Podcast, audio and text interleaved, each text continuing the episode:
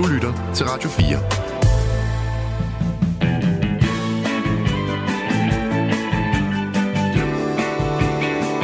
Velkommen til Only in America.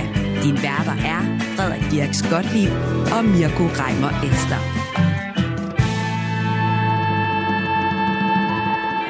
Frederik, mm-hmm. som uh, UFO-kultleder, ikke? Er, er du enig med Sundlig på Scientology's succes?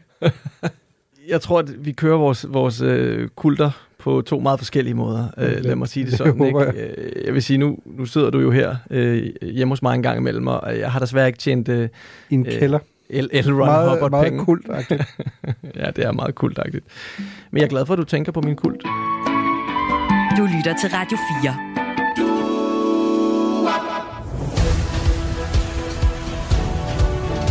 De fleste har nok hørt om verdens yngste mainstream religion, Scientology. With more than 11,000 churches, missions and groups around the world, Scientology is expanding more rapidly today than at any time in its history. Og de fleste kender nok også religionen, fordi en lang række af kendte skuespillere gennem tiden har repræsenteret den. We all know outspoken celebrity adherents like John Travolta and Tom Cruise are proud to count themselves as members, but there are literally dozens of actors, musicians and public figures that are also Scientologists. Tom Cruise var i en årrække Scientologys ansigt udadtil, og gav en række opsigtsvækkende interviews i nullerne, hvor han roste ideologierne bag. Being a Scientologist, when you drive past an accident, it's not like anyone else. As you drive past, you know you have to do something about it because you know you're the only one that can really help. Scientology blev stiftet af science fiction forfatteren L. Ron Hubbard i 1950. Her udgav Hubbard bestselleren Dianetics, og med tiden fik religionen en enorm medvind.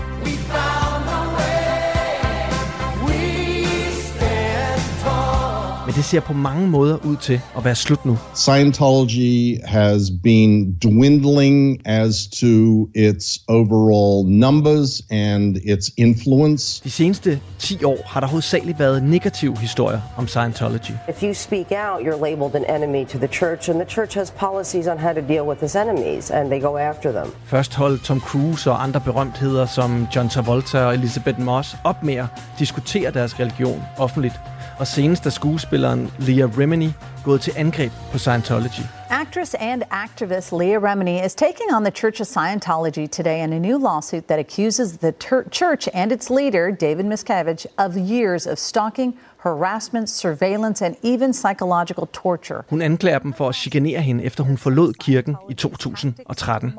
Samtidig kører der en sag mod skuespiller og Scientology-medlem Danny Masterson, der er anklaget for at voldtage tre kvinder tilbage i starten af nullerne, da de alle var medlem af kirken. A Los Angeles jury has found the That 70 Show actor Danny Masterson guilty on two counts of forcible rape in a second trial. Og hvad med Tom Cruise? Jamen, han er stadig verdens største skuespiller og lige nu aktuel med Mission Impossible Dead Reckoning Part 1.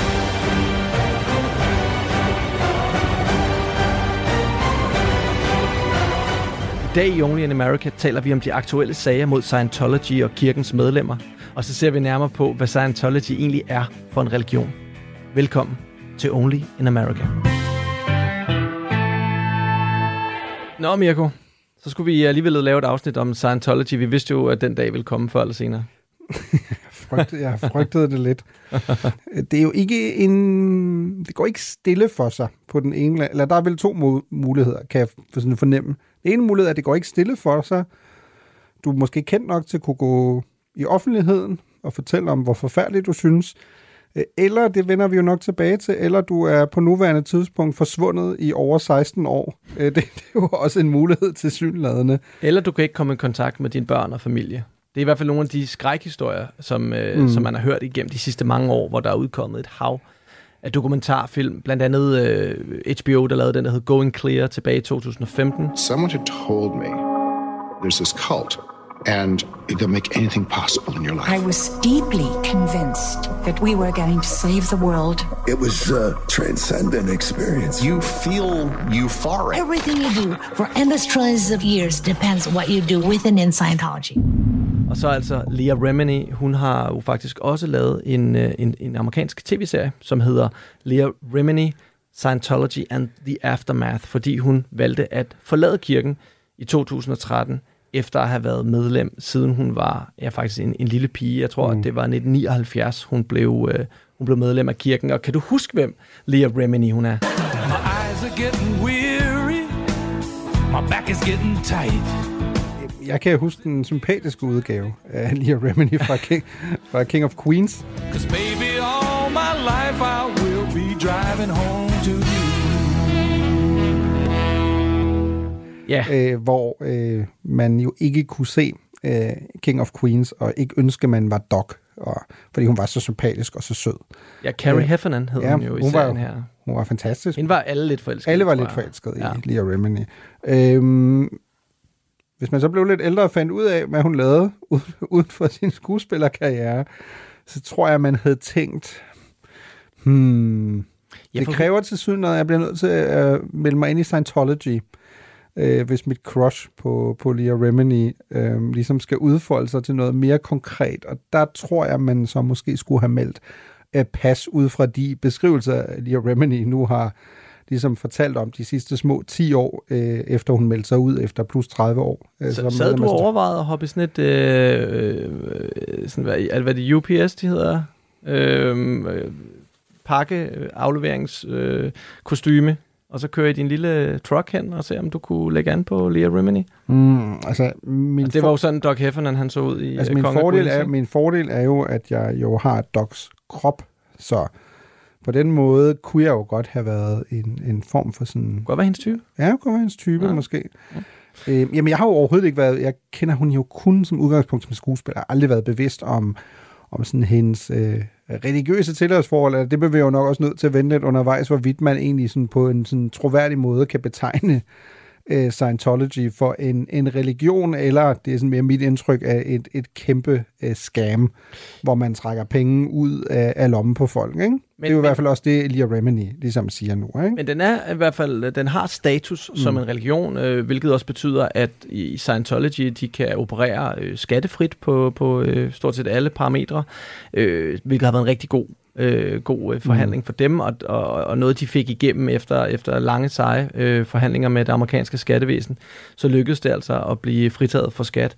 Men lad os lige starte med at dykke lidt ned i, hvad det helt præcis er, øh, Leah Remini, hun, øh, hun anklager Scientology for. But the object of this is that we are silenced or muzzled, that we can no longer speak. And it's psychological warfare. What they're, what they're, they're, they're it's, it's terror, it's psychological terrorism. Hun skriver, at igennem 17 år, der mener hun, at Scientology og lederen af Scientology, som nu hedder David Miscavige, øh, simpelthen har, øh, har kørt øh, mental tortur, øh, Bagvaskelse, Bagvaskelse. overvågning, chikane, intimidering. Det er, det er en perlerække af, af ubehageligheder, ikke? som hun jo nu øh, også officielt efter så lang tid, jo faktisk er hun har jo lige sagsøgt dem her for, for en måneds tid siden. Ikke? Øh, det bliver meget spændende at se, altså, hvor, hvor den lander. Det kan blive en, øh, en, en rigtig ubehagelig sag for Scientology, som jo de sidste mange år har prøvet at være, altså, undgå spotlightet lidt mere. Ikke? Der var jo en gang, hvor vi altid talte om Scientology, eller i hvert fald talte meget om Scientology, og Tom Cruise, som jo er nok det mest kendte medlem af kirken, og et meget højtstående medlem, Mm. var jo øh, på alles læber, da han i nullerne jo snakkede vidt og bredt om Scientologys budskaber. I think it's a privilege to call yourself a Scientologist, and it's something that you have to earn. And because a Scientologist does, he or she has the ability to create new and better realities and improve conditions. Og, og det var jo faktisk på et tidspunkt tæt på at, at ødelægge hans karriere, og, og vi ved jo i dag, at øh, han, han, han slap med, med skrækken. Han er jo stadigvæk verdens største filmstjerne i dag, øh, ubetinget øh, mm-hmm. den største. Og, øh, men, men det var altså ved at gå galt, fordi at man kan sige, folkestemningen vendte sig lidt imod Scientology i slutnullerne, øh, start 10'erne. Men Scientology har jo øh, svaret øh, Leah Remini. De er jo ikke enige i hendes udlægning af øh, kirkens aktiviteter. In a statement this afternoon, the church says, quote, this lawsuit is ludicrous and the allegations pure lunacy. Remini spreads hate and falsehoods for a decade and is now offended when people exercise their right to free speech, exposing her for what she is, an anti-free speech bigot. Og øh, de mener jo også, at det skyldes, at hun øh, åbenbart ikke kan komme i arbejde længere, så hun er i Scientologys udlægning, hun er, hun er desperat og siger ligesom i en pressemeddelelse, at det kan hun kun takke sig selv for, øh, fordi på nuværende tidspunkt, siger Scientology, har alle i Hollywood ligesom fundet ud af, øh, hvad de vidste for længst, nemlig at øh, Leah Remini er en forfærdelig person, øh, og som er så giftig, øh, at øh, for mange, de mange mennesker, der uheldigvis er kommet i kontakt med hende, og det, det synes jeg også meget sjovt, øh, sådan en pressemeddelelse, fordi den taler både ind i det, som afhopper jo beskriver som, at de er, altså de har kun én de går altid i angreb. Ikke? Der er ikke noget, det er faktisk lidt ligesom Trump. Angreb, angreb, angreb, ikke noget med at forsvare sig selv, modangreb. Men der er også en ironi i, øh, når vi sådan begynder at tale om, hvad ideen øh, bag Scientology er, og så videre.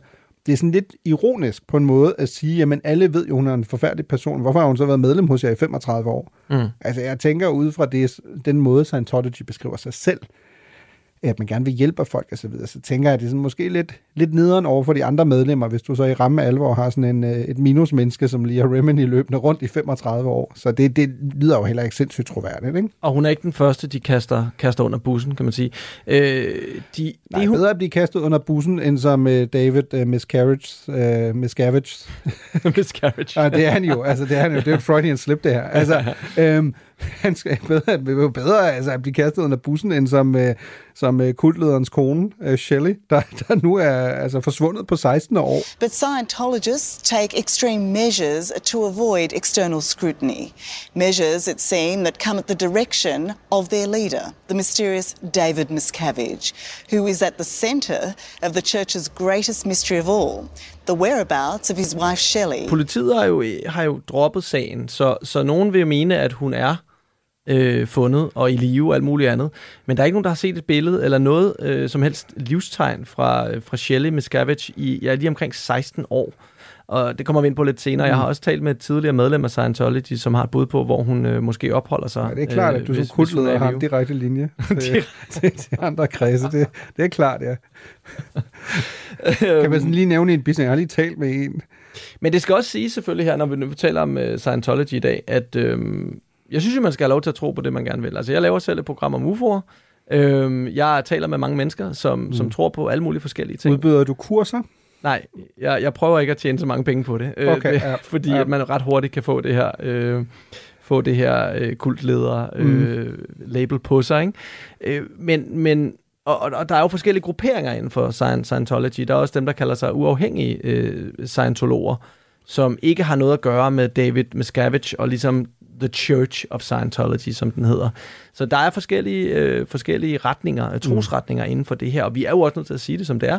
Mange andre religioner, hvis du brækker det ned til, hvad det egentlig er, øh, kernen af, af, af troen er på, lyder jo også ret skørt, øh, med al respekt til folk, der er religiøse, så er det jo nogle, så skal man jo virkelig øh, have fantasien med sig, øh, mm. når det kommer til mange af de her religioner. Så på den måde kan man sige, måske fordi det er nyere religion, religion og fordi vi ved, hvem L. Ron Hubbard er, vi ved, at han var science fiction forfatter, mm. så er det en, øh, en religion, som, øh, som gør mange folk skeptiske. Men det, som Leah Remini helt konkret vil have ud af sit søgsmål, det er, at hun vil have, at de skal simpelthen stoppe med at, øh, at chikanere deres eks-medlemmer, altså de medlemmer, som de øh, se, øh, ser som fjender øh, af det, hun øh, helt præcis kalder dem her. Øhm, og så vil hun selvfølgelig have, nogle, øh, så vil hun have noget økonomisk øh, altså dækning for, for alt det, hun har gået igennem. Ikke, ikke bare her de sidste par år øh, ude af kirken, men også øh, sin tid i kirken. Så det bliver en rigtig spændende sag at følge, og det er jo ikke den eneste aktive øh, kan man sige, retssag, der kører. Øh, det kommer vi også tilbage til, fordi der er jo ham, der hedder Danny Masterson, som var med i den meget populære tv-serie, der hed That 70 Show, som også blev sendt herhjemme. Jeg tror nærmest samtidig med Kongen af Queens, øh, som har nogle rigtig, rigtig grimme anklager hængende over hovedet. Du lytter til Only in America på Radio 4. Nå, men prøv at høre kultleder. For, for dem, der ikke er, der ikke er flydende her på... Øh, på Science fiction-religion? Ja. Hvad, hvad, fuck altså, handler Scientology om? Jo, men altså, øh, kort fortalt, så er det jo øh, en af de yngste religioner, der findes. Måske nok den yngste sådan, større religion øh, i verden. Og blev altså startet, religionen blev startet i, øh, i 1950 af forfatteren L. Ron Hubbard. He led expeditions into then remote islands as a member of the famed Explorers Club and was a giant in the golden age of pulp fiction. He was a master mariner, licensed to captain vessels on any ocean, and a United States naval officer who commanded corvettes during World War II. His landmark work on the human mind wrote bestseller lists for 100 consecutive weeks. And he's the most published and translated author of all time. He is L. Ron Hubbard, founder of Scientology. Han var rejste meget i sine unge år, øh, også meget i Asien og Østen, og, og, og kom tilbage til USA i 1930'erne fyldt med, med gode idéer, og, og, og der begyndte han at skrive bøger. Han er jo faktisk, det gjorde du mig jo også lidt opmærksom på, øh, han har jo en, en lille rekord, Elron Hubbard, som er ret imponerende faktisk. Den, den er faktisk ganske imponerende. Øh, han, han står i, i Guinness rekordbogen for at være den, der har skrevet flest bøger. Øh, over 1000 øh, bøger, og det, det er jo faktisk ret vildt, fordi han jo faktisk bliver, kun bliver, jeg tror, han bliver cirka 75, ikke? Hvis, han, han dør i 86.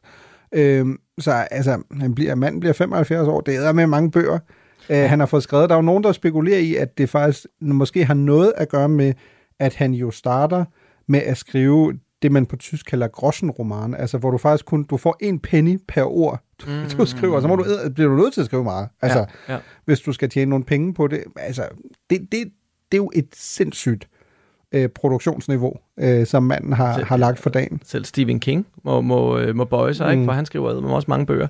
Og han skrev jo det, som bliver kaldt for pulp science fiction. Altså sådan lidt små, platte, B-agtige, vil man kalde det, hvis det var inden for film, mm. øh, science fiction romaner øh, om alt muligt forskelligt. Øhm, øh, på, på, på, på mange måder, en, øh, en, på sin egen mærkelige måde, en, en okay succesfuld forfatter. Øh, han kan i hvert fald sådan leve af det. I, imellem 1941 og 45, der er han så i den amerikanske flåde. Og der er han faktisk bag en hel del fiaskoer og bliver frataget flere stillinger øh, af alle mulige forskellige årsager og bliver ligesom dømt ikke egnet til at, øh, til at lede en af de her operationer, de er på. Har nogle ret fantasifulde øh, genfortællinger af, hvad han mener, han har oplevet også øh, som ikke sådan helt, helt holder, Nej. holder vand, øh, når man så faktisk læser de officielle rapporter af, hvad han angiveligt skulle have været igennem og sådan nogle ting. Han har altså, en god fantasi jo. Ja, det har han tydeligvis. Øh, det har han tydeligvis. Det er måske også, det vender vi tilbage til, måske også en forklaring til, at, øh, at det ender med at gå så strygende øh, i forhold til øh, Scientology, fordi han jo, som han jo også siger i sine unge dage, uh, if you want to make real money, you should invent a religion. Og, ja, det er jo øh, vildt, han har sagt det, ikke? Ja. Det er jo vildt. Måske er det der kernen, det er, der, det er jo det, Scientologys øh, kritiker vil sige. Det er der, hunden ligger begravet, ikke? Jo, det vil, øh, det vil de onde tunger helt sikkert mene. I 1950 der udgiver han sådan en, en, en form for selvhjælpsbog, men det bliver ligesom starten på, øh, på det, vi nu kalder som Scientology. Og bogen her, den hedder sådan på dansk Dianetik, uh, Dianetics. You would be confident, more intelligent and productive and happier. You would be yourself, free to enjoy life and reach your full potential. In short, your mind would be clear. That is the goal of Dianetics. People achieve this state every day. And so can you. Øh, det bliver kæmpe hit, altså en bestseller faktisk. Og øh, ikke mindst øh, fordi, at, at Hubbard han ligesom hævder, at han har nøglen til, til den menneskelige psyke. Han har luret, hvordan den menneskelige psyke fungerer. Det her det er jo så i efterkrigstiden. Psykologi er meget populært. Selvhj- selvhjælpsbøger er ekstremt populære på det tidspunkt. Meget ligesom vi ser det i dag. Øh, I dag der kan man for eksempel hive sådan en som Svend Brinkmann op af hatten og sige, han er meget populær. Øh, det som, hvis man kender ham, så kan man sige, det som Hubbard tror, så står jeg tror, for... Svend Brinkmann bliver virkelig ked af, Jamen, nu, at blive nævnt det som sætning som Aaron Hubbard. Men, ikke, ikke, nu skal jeg lige, lad mig lige sige sætningen færdig, fordi det som Hubbard bliver kendt for, er det modsatte af Svend Brinkmann. Øh, så skud til Svend Brinkmann. Øh, han bliver nemlig kendt for at, at, at blive en ret stor modstander af sådan klassisk psykologi. Fordi ret tidligt er der flere psykologer, som påstår, at det, der står i dianetik, er, øh, er fis i en hornlygte, og derfor ser han sig virkelig sur på psykologer og øh, psykiater osv. It's difficult. And one of the most difficult things in the world is to tell somebody who thinks he's a body that he is himself. Now, the world at large tends to tell one another, but I don't think individually any of them believe it, but they tell one another that man is an animal, and that man is only an animal, and that when he dies, he is gone. Of course, that's just about as insulting as you can possibly get. For han mener jo netop, modsat mange psykologer på det tidspunkt, at vi er mere end, igen, nu skal jeg heller ikke forsimple, hvad psykologer mener, men at vi er mere en, en fysisk organisme. Vi er ikke dyr. Vi er ikke programmeret til at være på en bestemt måde. Det kan man sige, det er jo sådan en helt moderne øh, syn, ikke? Altså gå lidt væk fra, fra abe-teorien, øh, som siger, at vi er nødt til at døje med de samme problemer og de samme diagnoser hele vores liv. Det hele handler bare om, hvordan man tøjler dem. Nej, han mener faktisk, at mennesker er i stand til at ændre sig. Og det er jo sådan det tidlige step i det, som han et par år senere så kalder for øh, Scientology. Det, som hans teori går ud på, det er, at psyken har ligesom to sider. Der er et analytisk sind, der er et reaktivt sind, altså et bevidst og et ubevidst sind. Og det han mener, det er, at traumer, de læres i det reaktive sind, det ubevidste øh, sind, øh, i noget, han kalder inagrammer. Og det er noget, der ligger i vores underbevidsthed.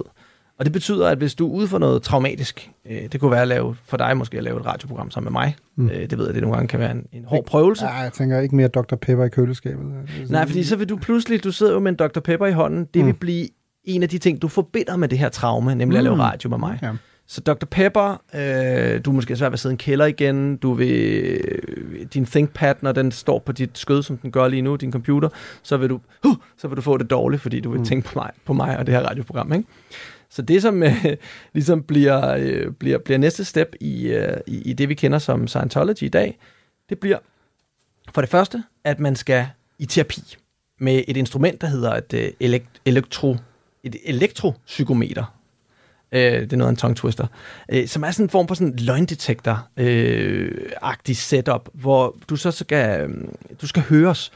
Og, og her, der, øh, der bliver man altså forhørt i, hvem man er, og de prøver at finde ind til kernen af ens traumer, hvem man er. Here are three things that Scientologists believe.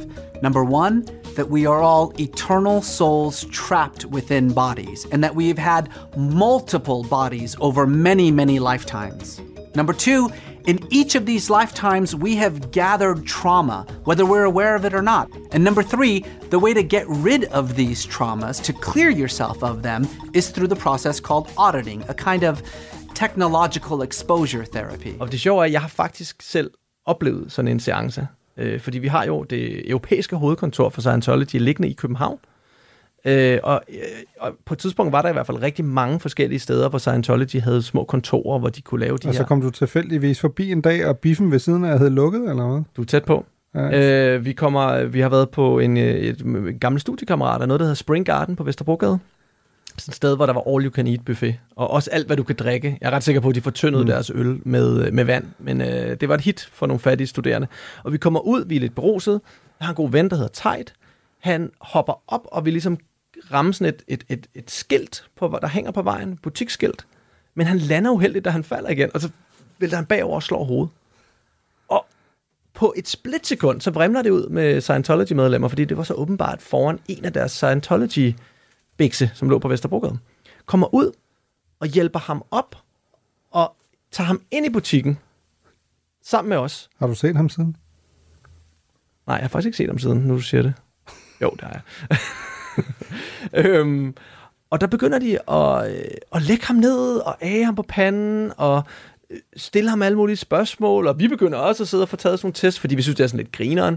Øh, de kaldte det stresstests på det tidspunkt.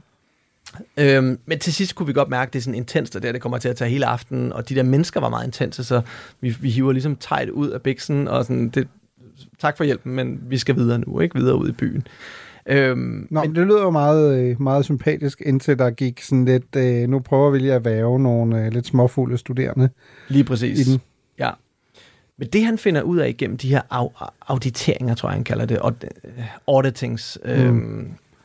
forhøringer, det er, at ikke bare med, at vi har traumer fra tidligere oplevelser i vores liv, vi har traumer fra tidligere liv vi har simpelthen, altså vi er simpelthen et åndeligt væsen, og den her krop, som vi er i, er faktisk bare midlertidig. Mm. Så altså, man kan sige, og det er jo heller ikke totalt fremmed for, for andre religioner med, med reinkarnation osv. osv. Men det begynder, bliver altså næste øh, epoke i, i Scientology, nemlig at vi kan, vi kan faktisk fikse fysiske problemer, vi har, fordi det hele er psykosomatisk, og det stammer ofte fra tidligere liv kan du se nogen sammenhæng mellem, at det her det ligesom bliver så populært lige netop i 1950'ernes USA? Nej, jeg synes ikke, der er sådan en, en totalt uh, sådan åbenlys altså sådan forklaring på det, som du siger. Det er klart, der er et clash, øh, som jo består den dag i dag, i forhold til Scientologys øh, syn på verden, og så psykologien. Ikke? Øh, mm. Nogle af de største udfald, som Tom Cruise har haft øh, i interviews, har jo altid handlet om lige præcis noget med psykiatri, behandling og andet. Det er jo også noget af det, der er meget sådan sjovt, når man kigger på det i dag. Altså sådan, sådan, sådan det alternative miljø burde jo knus elske Tom Cruise. I've never agreed with psychiatry, ever. Uh, before I was a Scientologist, I never agreed with psychiatry. And then when I started studying the history of psychiatry, I started realizing more and more why I didn't agree with psychiatry. Fordi han jo er sådan en type, der går ind og siger, prøv at høre, alt for mange diagnoser, øh, drop nu alt det der med at sige, at børn har ADHD og så videre. Øh, mm. Det er overhovedet ikke det, det handler om. Lad nu være med at proppe dem fyldt med medicin og så videre. Øh, og det har jo også været en, en konflikt, der ligesom har været mellem Scientology og dele af omverdenen, at Scientology i hvert fald altid er gået tilbage til at sige, at de mener, at en stor del af kritikken handler om, at deres syn på verden jo for eksempel er i direkte konflikt med medicinalindustrien. Mm. Ikke? Fordi det er jo klart, at hvis du, som, som Tom Cruise siger, prøv at høre, lad nu være med at uh, tage al den medicin og, og andet, og ved du, hvad for nogle uh, konsekvenser det har. Here we are today, where I talk out against drugs and psychiatric abuses of electric shocking people, mm-hmm. okay, against their will, of drugging children, with them not knowing the effects of these drugs. Do you know what Adderall is? Do you know Ritalin? Do you know now that Ritalin is a street drug? Do you understand that? The difference is No, this was no, not Matt- against Matt, her will, though. Matt, I'm but this asking- wasn't Matt, I'm against asking you a question. Matt, I'm asking you a question. I understand there's know- abuse of all of these things. No, you see, here's the problem. You don't know the history of psychiatry. I do. Så er der jo selvfølgelig også potentielt nogen øh, i medicinalindustrien, der, der potentielt vil kunne tabe stort på det, ikke? Jo, jo, og, og, men det er jo, også en, det er jo også en sympatisk sag, fordi der, i USA er der jo helt sikkert noget om, at medicinalindustrien er meget hæftig. Ikke? Altså, så han taber jo ind i noget, som mange amerikanere måske også har haft tæt ind på livet. Øh, pilleafhængighed, for eksempel, ikke? Mm. Som, som er et større problem, meget, meget større problem i USA, end det, end det er i Danmark. Men altså, når du så får gjort op med alle de her øh, psykosomatiske smerter, det ene og det andet, så bliver du clear. Altså, det, det er derfor, at øh, dokumentaren fra 2015 mm. HBO, den kritiske dokumentar, den hedder Going Clear. Det er simpelthen et udtryk, man bruger her.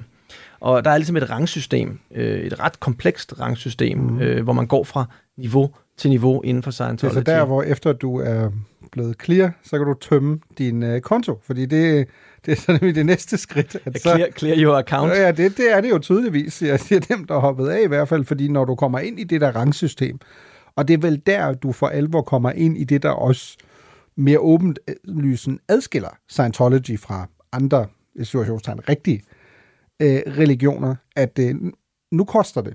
Ikke? Altså snart du skal ind i systemet og øh, ligesom Jo, du kan jo sagtens være medlem. Øh, okay, vi betaler jo så selvfølgelig et eller andet til, til folkekirken, jo mindre man melder sig aktivt mm. ud, ikke? men det er jo begrænset. Altså, det, du kan jo være muslim, du kan være kristen, du kan være alt muligt andet helt gratis. Og igen, jeg skal ikke kunne sige, om du kan være scientolog helt gratis. Det kan du muligvis også, hvis du gør det på din egen måde.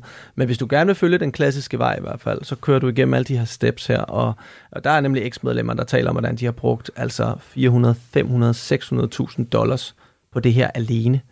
Øhm, samtidig med, at de har arbejdet frivilligt for organisationen i overvis. Ikke? Okay, number one, we certainly do have a different donation system than than other churches, although not all other churches. I mean, Donation.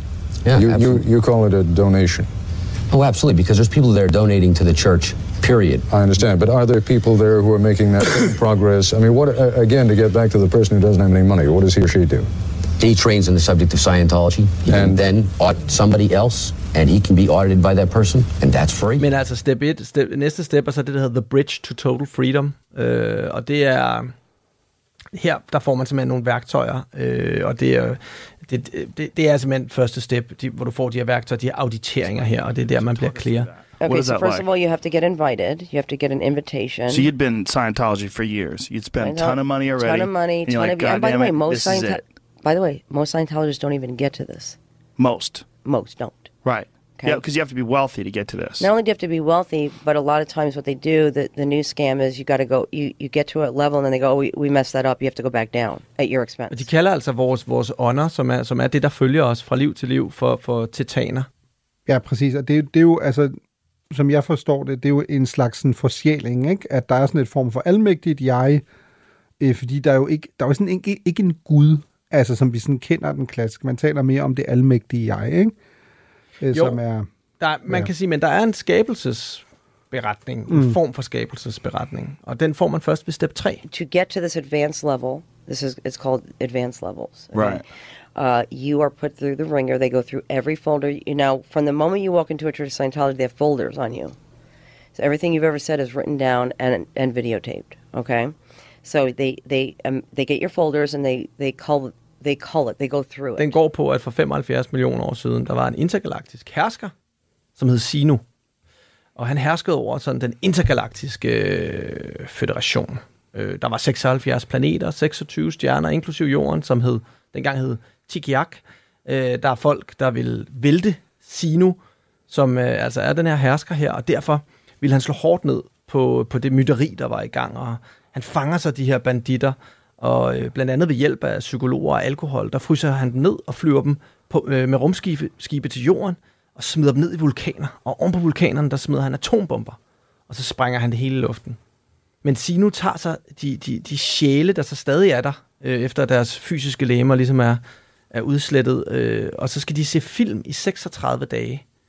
Og herefter, der vil de komme ud og begynde at klæbe sig fast på mennesker. Altså på de kroppe, vi har. And so my mom's sitting across from me, like so excited, and I'm reading this that my body is made up of other beings.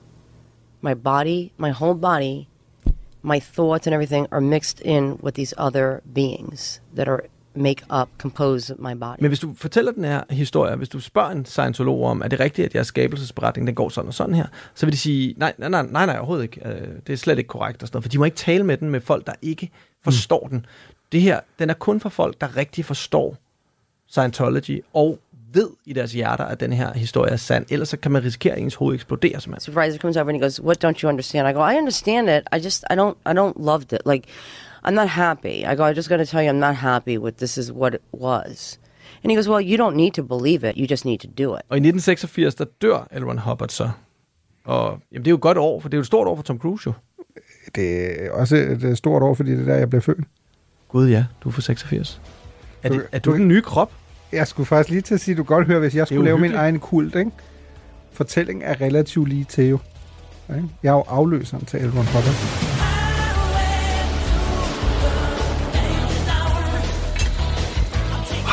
Det år, han dør. Det er det år, Top Gun kommer ud. Det er det år, du bliver født. Jeg kan godt høre, at dit hoved er ved at eksplodere faktisk. det, det hele hænger sammen. Det hele hænger sammen. Ja, men desværre for dig, for du, du er for ung på det tidspunkt, men du er måske en second coming, men på det tidspunkt, der er det så ham, der hedder David Miscavige, som tager over. Og han er en ung gut, som kommer ind i Scientology som dreng. Øh, Hans forældre er Scientologer.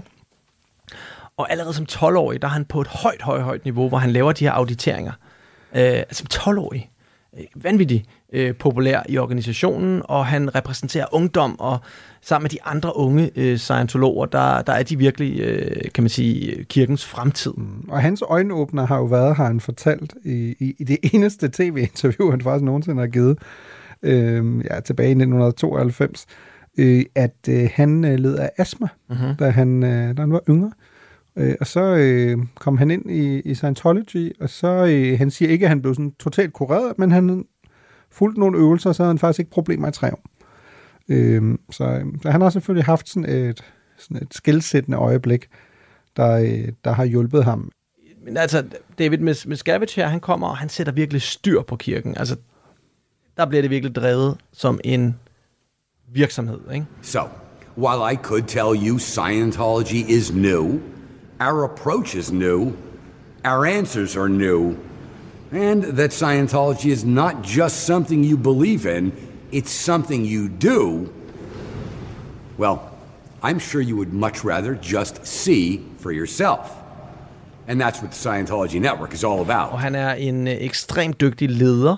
Øh, der er så også folk, der er tæt på øh, eksmedlemmer, som siger, at han er en farlig mand. Øh, vi ved også, at øh, Shelley Miscavige, som vi nævnte tidligere, der er ikke nogen, der ved, hvor hun er henne. Ja, hans kone. Muligvis øh, i en bunker et sted i Kalifornien. Øh, Ja, hvis hun er heldig. Hvis hun er heldig. Hvis hun er i live endnu. Jamen, det er det. Øh, det, kunne, det kunne jo være interessant at finde ud af. Politiet mener, hun er i live. Så måske er det en historie, der er blevet blæst op. Men altså, det er altså øh, med Scavenge, som, som kommer på her, og øh, det er jo også en del af det. Øh, han bliver som 16-årig en del af det, der hedder Sea Org, som er en, kan man sige, det, det er de hardcore scientologer. Det er også der, David Miscavige har været igennem, altså, og det er der, hvor alle de store er. Det er det, der hedder Sea Org, et sted, et stort sted i Kalifornien, hvor du lever, du sover, du bor, du arbejder frivilligt, du tjener stort set ingen penge, øh, som, som, som frivillig her. Ja, det er jo så ikke helt frivilligt, men det er jo, øh, fordi der er også nogen, der mener, at man kan ikke, man kan ikke stikke af igen. Øh, man skal annoncere, når man skal ud, og der er, det er simpelthen et gated community, mm. altså der er porte hele vejen rundt. Og øhm, nogle eksmedlemmer siger også, at de har været ude for tortur og chikaner, alt muligt andet inden for, for de her mure her. Øh, det er i hvert fald, hvad de siger. Det skal selvfølgelig siges, at Scientology øh, siger jo, at alt det, alle de dårlige sager ikke passer. Og det sjove er, at David Miscavige, han faktisk bliver leder af Scientology. Der sker det efter. Altså egentlig var det nogle andre, der stod til at blive leder, og man fandt et brev efter Elron Hubbard, som sagde, at, øh, at, at aftagerne var, var, var, nogle, øh, var nogle andre. Men David mente, at det brev, det simpelthen var fusk. Så han lavede et kup, mm. overtog øh, Scientology, og den person, som skulle have været den nye leder, han, øh, ham er der ikke rigtig nogen, der har set i 25 år, og vi ved, at David Miscavige har, øh, har fået ham forfulgt lige siden, og han har rejst rundt omkring i verden, prøvet at slippe væk fra det her. De fik også hans kone til at øh, lade sig skille fra ham, så det er altså farligt at lægge sig ud med David Miscavige. Det er der i hvert fald noget, der tyder på. Du lytter til Radio 4. Og så, Mirko, begynder, øh, det er jo, de er jo virkelig kommet på alles læber, fordi Hubbard, han lavede faktisk allerede det, inden han døde, som han kaldte for Project Celebrity. Han satte simpelthen dusør på nogle kendte øh, ansigter, kan man sige, for at få dem ind i organisationen. Og de fik, altså John Travolta, ved mange jo, mange kender ham fra mm. øh, Grease, Saturday Night Live, Pulp Fiction. Men det var bare det, Hubbard sagde, det er ligesom med Grease. Uh, uh, uh. Og det fik han. Og det fik han. Han ville have ham, yep. og han fik ham. Han blev medlem i, øh, i 1975. Det skal jo også siges. Mange af de her mennesker går jo til de her auditeringer. Alt bliver bondet i Scientology. Så hvis du vil ud igen, så har de også rigtig, rigtig meget materiale på dig.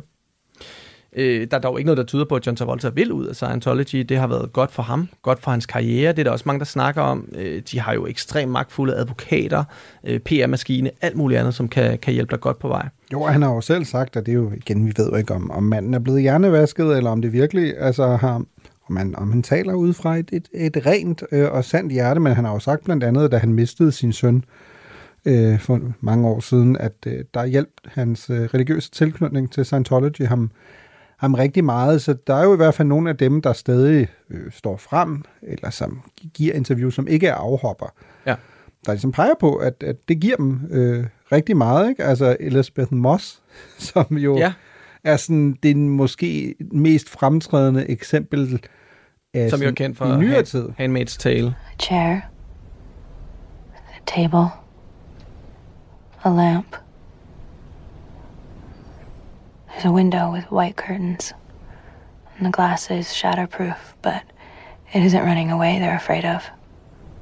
A handmaid wouldn't get far. It's those other escapes, the ones you can open in yourself given a cutting edge. Or a twisted sheet and a chandelier.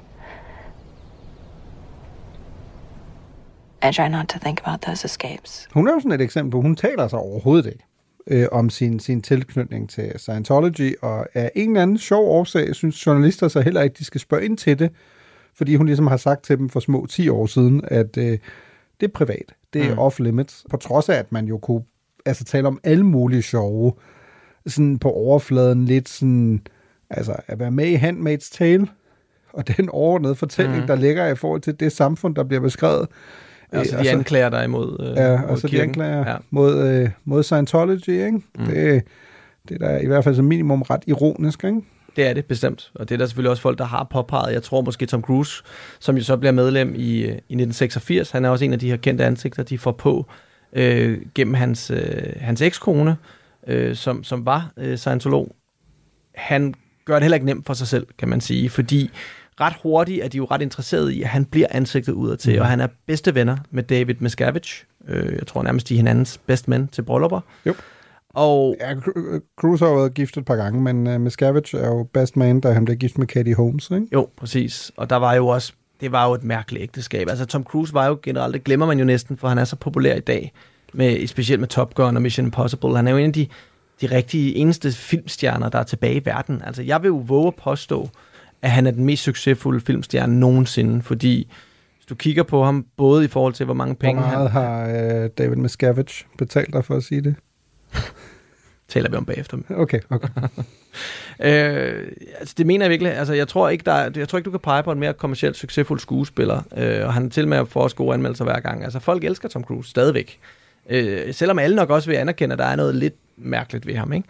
Og det er jo også det, der hænger ved, fordi at i, da, han var med ude, da han var ude at promovere den film, øh, der hedder The War of the Worlds, et remake af, af den gamle sci-fi klassiker i, i, i midten af nullerne, der øh, går han jo ud og giver en lang række interviews, blandt andet 60 Minutes interview i Australien, hvor han, øh, hvor han tvinger øh, journalisten til at tage et, et fire timer lang in, introduktionskursus i Scientology, inden han kan lave interviewet med ham. han tvinger ham ikke, siger han jo i interviewet. Du kunne bare have sagt nej jo.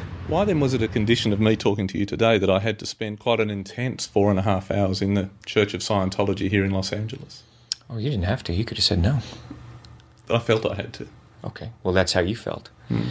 People are interested in Scientology, and I, I find that people wanted to know. Mm.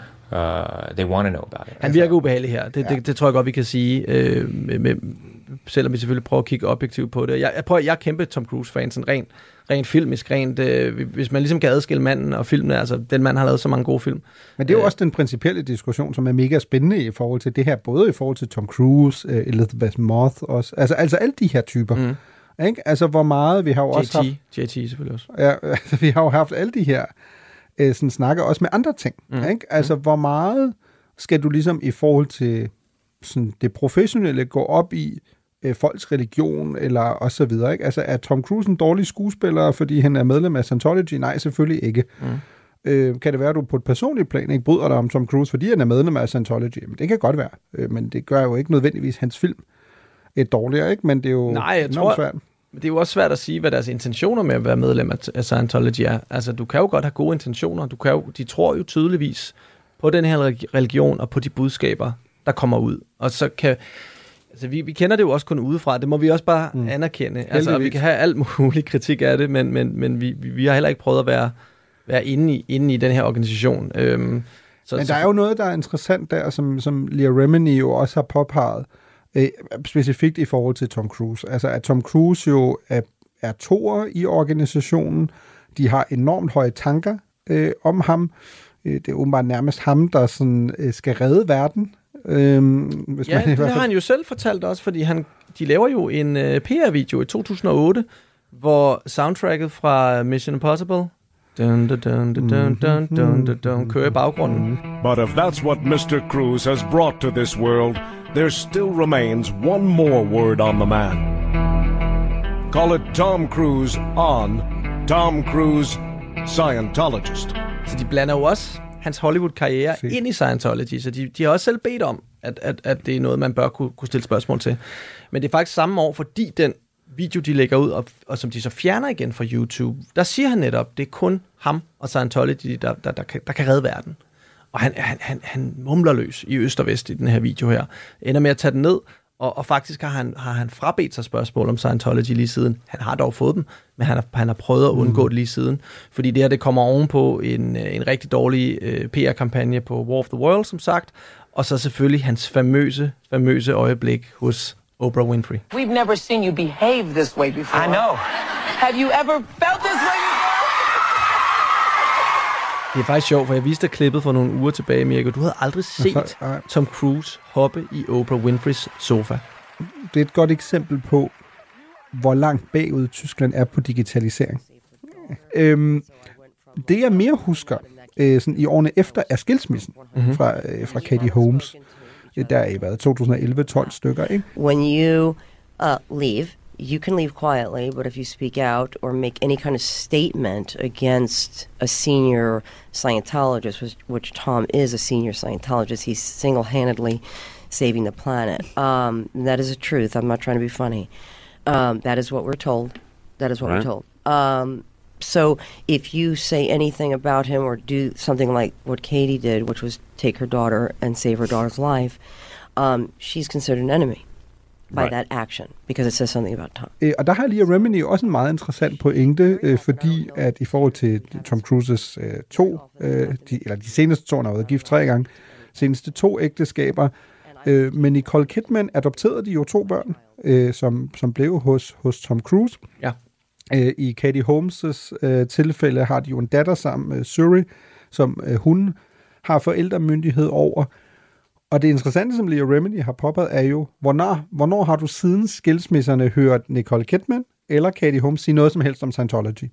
De har jo Mm. nærmest ikke sagt noget. Mm-hmm. Ikke? Jeg tror, Nicole Kidman har en gang sagt, at øh, ja, hun respekterer selvfølgelig sine børns øh, religiøse tilhørsforhold. Ikke? Og det, der er jo nogen, der spekulerer i, at det måske blandt andet skyldes, et, du vil ikke have Scientology på nakken, øh, to, siger øh, Remini og, og andre afhopper jo i hvert fald, at det er meget almindeligt, at man laver sådan et non-disclosure agreement, når man forlader Scientology, Mm. og at der i, i det her tilfælde nok også er fuldt nogle penge med øh, til Katie Holmes øh, specifikt, ikke? at hun, hun skal ligesom ikke sige noget om, om Scientology eller andet, men der har jo selvfølgelig også altid været de her rygter om, også fordi skilsmissen med, med Katie, mellem Katie Holmes og Tom Cruise kom lidt ud af ingenting, at der måske lige præcis, at Scientology var en, en hovedårsag til det, at Katie Holmes måske har tænkt, okay, min, mit barn skal ikke vokse op i det her, ikke? Det skal ikke vokse op i det her, men der er selvfølgelig også måske også bare et helt almindeligt menneskeligt ønske om mm. At be- bevare et godt forhold til faren. Og man kan sige, at faren han er, han er knee deep i uh, Scientology, så uh, man er nok nødt til at passe på med, hvad man siger, specielt offentligt. Ja, han er jo, øhm, i hvert fald tilbage i 2009, var han jo, øh, i, de, i forhold til de der otte kategorier, vi har talt om tidligere, der var han jo OT7, så i den næsthøjeste kategori, ikke? Jo. Og der er jo sådan forskellige måder, man kan opnå de der grader på, men du er sådan ret højt oppe. Ja, han Øh, modtager medaljer og alt muligt andet. De har jo de her store ceremonier, sådan lidt Mm. maritime ceremonier, hvor det er tit enten sådan lidt pilotagtigt, eller sådan lidt matrosagtigt øh, klædt på, øh, Men of Honor-agtigt. Øh, Han er jo setting. Aquaman, før Aquaman bliver Aquaman, faktisk. Ja, det er rigtigt. Men det hænger også sammen med, at Elron Hubbard jo, han købte en masse både i 70'erne, øh, blandt andet for, for at prøve at slippe væk fra myndighederne i Frankrig og alle mulige andre steder, fordi han simpelthen var på, på, på, på, på flugt faktisk. Og Ja, fra opholdt sig- skattemyndighederne især. Skattemyndighederne især, ja, men også alle mulige andre ting, og opholdt sig i, la- af lange, øh, i lange tidsperioder på de her både her. Jeg har set en masse dokumentarfilm om det også, øh, i, i forbindelse med det her program her, hvor, hvor folk, der har arbejdet på de her både, siger, at en af de måder, han straffede folk på, hvis de ikke var gode mm. scientologer, det var, at han bandt dem på arme og ben, øh, og kastede dem over bord. Og så redde de dem op igen. Men det var bare sådan en, det jo tydeligvis en rigtig ubehagelig oplevelse. Og det er jo så der, man altid er tilbage til at tænke, okay, Leah Remini, hun kan måske godt, hun er kendt, hun har ressourcerne, der er nogle andre. Hvor mange sidder ikke derude Mm. Og har lignende oplevelser, men tør ikke at sige noget? Altså simpelthen fordi de har set, hvad, hvad der sker øh, for andre, og det er jo også det, Leah Remini sagde i forhold til den, øh, den serie, hun mm. lavede, mm. at det var hele motivation bag, og det var en grund til, at den ikke kun, kun kørte en sæson, som hun troede, men der blev kørt hele tre sæsoner. Ja. Fordi, Og en podcast efterfølgende laver en podcast, podcast. podcast. Fair Game. Fair Game, som er et udtryk jo, som er noget, øh, som er, at hvis nogen taler dårligt om kirken, altså medlemmer, mm. Så er det fair game at øh, ruinere dem, simpelthen. Øh, og det er jo også derfor, de bruger så mange penge på retssager og på øh, Mm. søgsmål og så videre, som de gør. Øh, Nå, men hun fortæller jo også, altså apropos det- de der, sådan, hun, hun har jo lagt meget vægt på Leah Remini at sige, at, at meget af det handler jo virkelig om regler, som er nedskrevet. Ikke? Og blandt andet, da hun er gæst hos Joe Rogan, fortæller hun jo, at der åbenbart også er, hvis du, har, hvis du kommer til at passe langt op i graden, så må du sgu godt slå folk ihjel. He's given this designation of Kakan, which there's a policy that basically says you can kill another human being. If you are Kakanned, you're going to look the other way. Og så... Øh, Ja, hvad er det? John Travolta har lov til det, ikke? Han fik en øh, kak- kakun, et eller andet, hvad Ja. det hed? Noget den dur. Det, det er simpelthen en, en, en, en, et okay til at slå ihjel. Ja, altså hun beskriver det jo hos Joe Rogan sådan, at hvis John Travolta ligesom øh, føler sig nødsaget... eller han- Kakan. Ja. Men han, øh, hvis han føler sig nødsaget eller har lyst til at slå nogen ihjel, så øh, gør han det, og så øh, siger hun jo direkte, men så, er han, så må han ligesom forlade rummet, så er der andre, der ligesom må, må ordne den resten med at fjerne lid og sådan noget. Og igen, det er jo ikke, fordi vi ved jo ikke, om der er nogen, der slår nogen ihjel. Nej, det præcis. Vi ved jo vi ikke, altså, sige. ved ikke, om Vi- Leah Remini er et sandhedsvidne, men Overhovedet øh, ikke. Vi, det er crazy shit i hvert fald. Øh, Leah Remini er jo ikke den eneste aktuelle person lige nu øh, i medierne omkring Scientology. Mm. Der er jo ham, der hedder Danny Masterson, øh, der kørte en meget populær serie herhjemme, der hedder That 70 Show.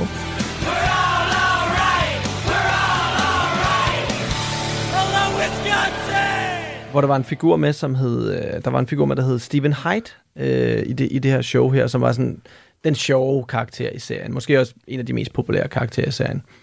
Og det er altså Danny Masterson, som er en ung dreng, der bliver født ind i Scientology. Det skal jo også siges, altså det er jo også, det er jo også et eller andet sted lidt tragisk at blive født ind i noget, ikke? Hvor, du, hvor du får et, øh, et, et verdensbillede trukket ned over øjnene. Det gør vi selvfølgelig alle sammen på forskellige måder. Men, øh, men det må sgu også være lidt vildt. Ikke? Og så, altså, jeg tror allerede, han læste den af Dianetics, da han var 14 år gammel, og blev fuldstændig forelsket i, Mm. øh, i Scientology. Og faktisk hans første rolle, Danny Masterson, som øh, nu er anklaget for voldtægt af tre kvinder. Øh, tre, tids, tre kvinder, som også er tidligere Scientology-medlemmer i øvrigt. Hans første øh, sådan, større filmrolle, det er som en, en, en ung fyr i Face Off, øh, John Travolta-filmen. Mm. Hvor hans rolle er, at han sidder på bagsædet og forgriber sig på, jeg tror det er John Travoltas datter. Og så kommer John Travolta så og giver ham en på skrinet, ikke? Yeah, like Mr. fucking Invisible gives a shit about you anyway, so I'll fucking hold still. Calm down. Det var hans, øh, hans introduktion, og ret kort tid efter, så var det så til That 70 Show. Han var så også med på det, det, det, øh, det show, der hed The Ranch, som også var med Ashton Kutcher, som også var på That 70 Show, hvor han så blev fyret midtvejs i tredje sæson, fordi i 2015, der øh, fandt de her tre kvinder ud af. De havde nemlig alle sammen gået til politiet i startnullerne og sagt, øh, vi har oplevet det her, men de vidste ikke, at hinanden eksisterede. Da de så Mm. fandt ud af, at vi er tre kvinder med samme, næsten præcis samme oplevelse med Danny Masterson, gik de så sammen, og der gik en retssag i gang, som lige blev afsluttet her i 22 med det, der hedder en hung jury. Altså, de kunne simpelthen ikke beslutte sig for, om han var skyldig eller ikke skyldig, så derfor kommer der endnu en retssag om lidt med Danny Masterson, så det er altså langt fra at slutte. Der er også et civilt søgsmål i gang, mm. øh, som de her kvinder har sat. Præcis, fordi, øh, bare, bare fordi at, at have det med, fordi det i USA er sådan, at ju- juryen skal være enstemmig. Altså, Ja. den skal simpelthen være totalt enig. Så hvis der si- sidder 13 mennesker, og 12 siger, prøv at høre, han er skyldig, og en siger, niks, glem det. Og de har vist ikke engang været i nærheden af at kunne blive enige. Mm. Øh, fordi det er en meget kompleks sag. Det er også noget med, at for at han overhovedet kan blive dømt, så skal, det, så skal han dømmes skyldig i alle tre sager, fordi Ja, der er en regel med... og sådan nogle ting, Ja, fordi at de, de er faktisk forældet sagerne, men hvis du har nok til livstid, så er der ikke noget, der hedder, at en sag er forældet åbenbart. I hvert fald ikke i den stat og så videre. Mm. Så det er en meget kompleks sag. Øh, det kræver, at han, så vidt jeg forstår, bliver øh, øh dømt, dømt skyldig i alle tre sager, som jo er meget ens. Det handler om drug raping. Altså øh, en af dem er hans kæreste gennem seks år, som pludselig ikke kan huske noget, vågner op næste morgen og fortæller, hvordan han selv fortæller, at han har hygget sig med hende øh, i løbet af natten, og det samme fortæller de to andre kvinder, øh, som, som ja, var, var medlem af Scientology, og han har jo været en højtstående person øh, i Scientology, så det har været umuligt at gøre noget imod ham for dem. Og Scientology har øh, også bedt dem om ikke at gå til politiet. De vil jo gerne klare det i deres eget retsvæsen, og det er jo klart, at deres eget retsvæsen til gode ser jo de personer med meget magt. Øh, det er i hvert fald det, som kritiske øh, tunger har sagt om øh, den måde, de ligesom håndterer deres egne sager på. Så den her sag, øh, Masterson-sagen her, kommer vi til at høre meget mere om, og jeg er sikker på, at vi også kommer til at høre meget mere om øh, Leah Remini. Lytter til Only in America på Radio 4. Så Mirko, jeg ved ikke, hvad tænker du? Er, er du klar til at blive medlem? Helst ikke, mand. Helst ikke. Øh, ikke lige forløbig. Altså, hvis, hvis det var dit sådan håb, at, vi, at du tænkte, nu taler vi om Scientology, så har jeg lavet et pitch. Øh, så, så er det mislykkes. Altså, totalt. Øh, jeg vil stadig hellere være en del af din UFO-kult, end øh, Scientology. Det er i hvert fald gratis, fordi det, altså, igen, mit program ligger på DR, ikke? så det, altså, det, det er komplet gratis. Det er rent public service kult. øhm, jeg vil også bare sige, at altså, igen, jeg talte jo med Robert Dam, tidligere medlem, meget, meget knivskarp person. Øh, jeg spurgte ham, hvorfor bliver folk egentlig medlemmer? Altså, det er jo det, derfor, vi altid Mm. fascineres af fortællinger om kulter, om sekter, øh, religioner, så videre, så videre, så videre. Fordi vi jo alle sammen et eller andet sted synes, at ideen om at et stærkt sammenhold er appellerende for os alle sammen. Jamen, hvor han også siger, jamen altså, i mange tilfælde, der skyldes det en livssituation. Øh, for eksempel så nævner han øh, en, en kvinde, som er med i den TV2-dokumentar, han har lavet, som råber og skriger af ham i den. Han siger, hun kom ud af et voldeligt ægteskab. Øhm, og da hun kom ind i Scientology, der hjalp de hende simpelthen med at komme ud af det ægteskab. Mm. For hende var det at få sit liv tilbage og komme med i Scientology. Øhm, han, han siger, at der er mange mennesker, der står et sted i livet, hvor de har brug for hjælp, og, og det kan Scientology også gøre for dem. Og derfor føler de, at de skylder alt til den her organisation. Og så siger han, og så er der den anden type, det er sådan lidt mere ambitiøse. Og der tænker jeg, at sådan en John Mm. Travolta-type også passer ind. Og det er, hvis du vil have nogle, nogle som han kalder sådan nogle fede værktøjer, altså nogle, altså, han siger, det minder meget om coaching, som jo er vildt populært nu om Mm. dagen. Selvfølgelig i en ekstrem grad, det her, ikke? Men, øh, men, men der er meget selvhjælp i det. Det er jo også sådan, det hele startede. Og der er nogle redskaber, som, som Robert stadigvæk i dag siger, de er, det er gode redskaber til at give dig selvtillid, til at klæde dig på til, til arbejdslivet, ikke? Så altså, det er nogle af de ting, der gør sig gældende, Mm. ikke? Og lige pludselig, inden du får set om, så er du, øh, så er du rigtig sovset rigtig meget ind i det, ikke? Så sluttede du alligevel med at lave et, et, et, et pitch for, for Scientology. Så jeg vil faktisk bare uh, slutte det her program med at sige, don't try the shit at home. Uh, disclaimer. Hej hej.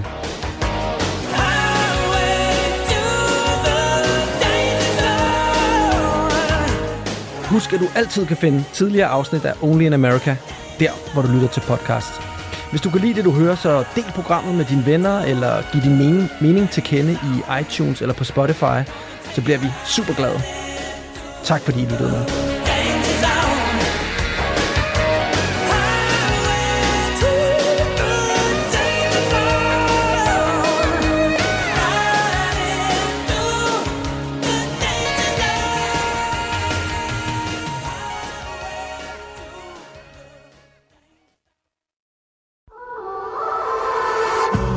Jeg levede som kriminel i 6 måneder.